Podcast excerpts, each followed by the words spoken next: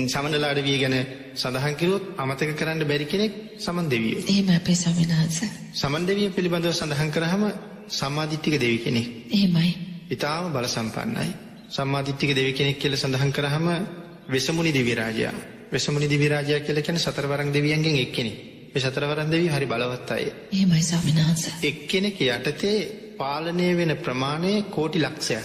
එක දෙවි කෙනෙක් යටතේ පාලනය වෙන ප්‍රමාණය කෝටි ලක්ෂයක්. අපේ ස්වාමීන් වහන්සේ මට සමාවන්න කෙනෙක් අවබෝධ කරගත යුතුම කාරණා තමයි මේ පන්සිල් මළුවේ ඔබට මේ ඇහෙන්නේ. අපේ ස්වාමීන් වහන්සේ ඔබ වහන්සේ ඊටමත් වැදගත් කාරණයක් අපිට පැහැදිලි කරමින් සිටින අවස්ථාව විශේෂයෙන්ම සමන් දිවිරාජෝත්තමයන්න් වහන්සේ පිළිබඳව උන්වහන්සේ සෝවාන් ඵලයට පත් වූ දෙවි කෙනෙක් හැටියට අපි පිළිගන්නවා. ඒ වගේම උන්වහන්සේ සතු මහත් වූ බලය අපිට දැනෙනවා. අපේ ස්වාමීන් වහන්සේ ඔබ වහන්සේ පිළිබඳව පැහැදිලි කරමින් හිටියේ.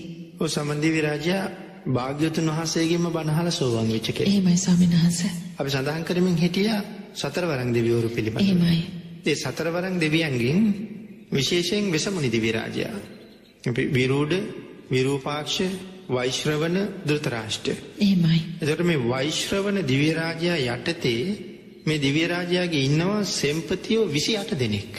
එතකොට සෙම්පතියෝ 28 දෙනා ඊටාම ප්‍රබල මට්ටමේ අය. එහෙමයි. ඒ කියන්නේ වෛශ්‍රවණ දිව්‍ය රාජයා යටතේ පාලනය වෙන පිරිස කෝටි ලක්ෂයක් නම් ප්‍රධානියට අමතරව මේ පිරිසේ ඊළඟ පාලකයෝ බවට පත් වෙන්නේ මේ සෙම්පතියෝ ටිකනේ. එහෙමයි ස්වාමීන් වහන්සේ. එතකොට කෝටි ලක්ෂයක් වෙච්චාම කෝටි ලක්ෂය 28න් බෙදලා බැලුවොත් මේ 28 දෙනාගෙන් එක්කෙනෙකුට කොයිතරම් පිරිසක් නතු වෙනවද? කොයිතරම් පිරිසක් විශේෂයෙන් හසුරවනවද කියන කාරණාව කෝටි ලක්ෂයකින්. එහෙමයි. එතකොට මේ 28 දෙනාගේ බලයවත් අපිට මෙච්චරයි කියලා සීමා කරන්න බෑ. මේ මේ 28 දෙනා අතර එක්කෙනෙක් තමයි සමන් දෙවියෝ කියලා කියන්නේ. එහෙමයි. ඒ නිසා විශාල බල පරාක්‍රමයක් තියෙන දෙවි කෙනෙක්. සෝවාන් වෙච්ච ආර්ය ශ්‍රාවකයන් වහන්සේ නමක්. එහෙමයි ස්වාමීන් ඉතින් ඒ අතර තමයි ආලෝක යක්ෂයා ඉන්නවා බිම්බිසාර මහරජුරෝ ඉන්නවා සාතාගිර හේමවත කියන යක්ෂ රාජයෝ ඉන්නවා මේගොල්ලෝ ඔක්කොම සෝවාන් වෙච්ච අය. එහෙමයි. හැබැයි මේ යක්ෂ කියන වචනේ පාවිච්චි කරාම කවුරුවත් හිතන්න හොඳ නෑ අර අපි කතා කරන අර භයානක පෙනුමක් තියෙන එහෙම යක්ෂයෝ කියලා. මේගොල්ලෝ දිව්‍යමය අය. දිලිසෙන ශරීර තියෙන නිරන්තරයෙන් ශරීරයෙන් රැස් විහිදෙන දෙවිවරු වගේ මේ. නමුත් යක්ෂ කියන නමින් හඳුන්වන්නේ ඒ එක ගෝත්‍රයක්. ඒ නිසා මේගොල්ලෝ දෙවිවරු.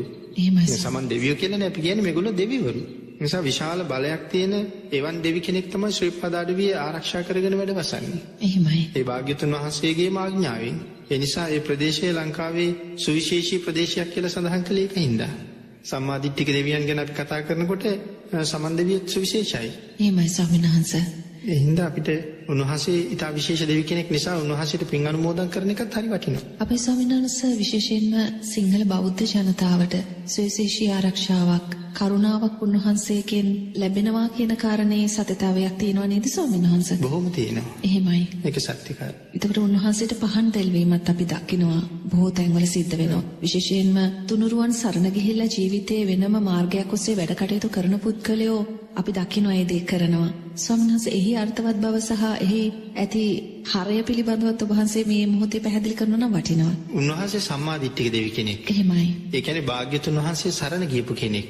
එතකොට සරණ ගිහිල්ලා සෝවාන් කියන ආර්ය මාර්ගඵලයට ආපු කෙනෙක්. එහෙමයි. ඒ කියන්නේ ඊටාම පුණ්‍යවන්ත කෙනෙක්.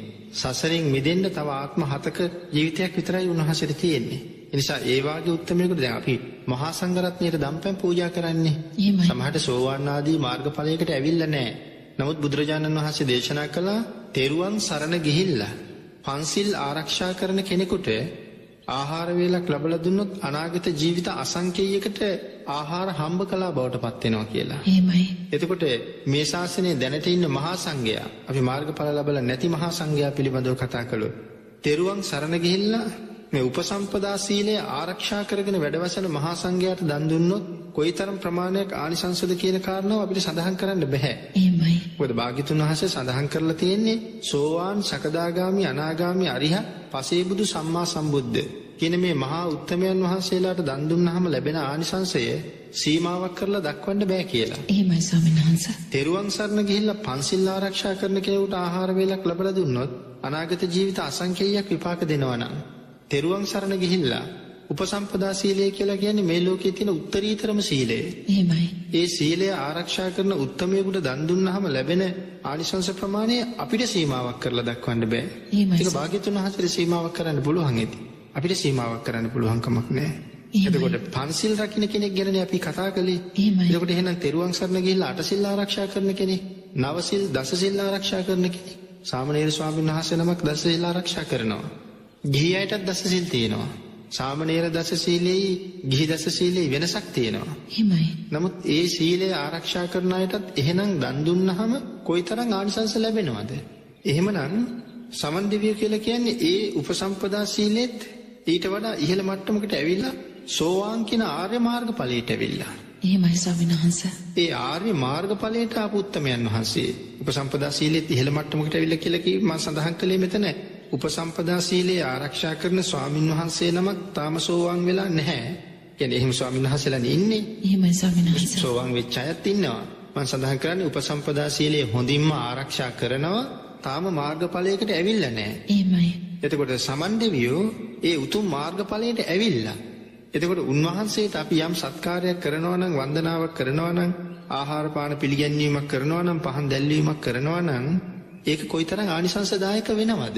එහෙමයි එහෙනම් ස්වාමීන් ඒක වහන්සේ. මිත්‍යා දෘෂ්ටියකට යන්නේ නැහැ. එහෙමයි. සම්මාදිට්ඨික නිසා අනිත් කාරණාව තමයි උන්වහන්සේ අති උතුම් සීලයෙන් යුක්තයි සෝවාන් ආර්ය ශ්‍රාවකයන් වහන්සේ කවදාවත්ම පව් කෙරෙන්නේ නැහැ උන්වහන්සේ අතින් කිසිම පාපයක් කිසිම දවසක කෙරෙන්නේ නැහැ මුළු ජීවිතේම සීල සම්පන්නයි සතර අපායක යන්නෙම නැහැ නිවන් දක්නා ජාති දක්වා ඒ තරම් උත්මයෙක් උදෙසා පූජා පවත්වනවා කියන්නේ ඒක තා විශාල ආනිසංසදායක සිදුවීමක් එහෙමයි.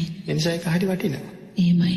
ඒ කියන්නේ ස්වාමීන් වහන්සේ බුදුරජාණන් වහන්සේට පහන් දල්වන නිවසේම බුදුරජාණන් වහන්සේට බුද්ධ පූජාව පිළිගන්වන නිවසේම සමන්දි විරාජෝතමයන් උදෙසා පහන් දැල්වීම යම් පූජාවක් සිද්ධ කිරීම සුදුසුයි කියන එකද ඔබ වහන්සේ මේ පැහැදිලි කරන්නේ එහෙම ස්වාමීන් සිද්ධ කළා කියලා වරදක් නැහැ වහන්සේ. එහෙමයි. නමුත් භාග්‍යතුන් වහන්සේට බුදු පූජාවන් පවත්වලා ඒ සම්මාදිට්ඨිකයන්ට පින් අනුමෝදන් කරනවා කියන එකෙත් වරදක් නැහැ. එහෙමයි. ඉතින් පහනක් දැල්ලුවා කියන කාරණාවෙත් වරදක් නැහැ. එහෙමයි.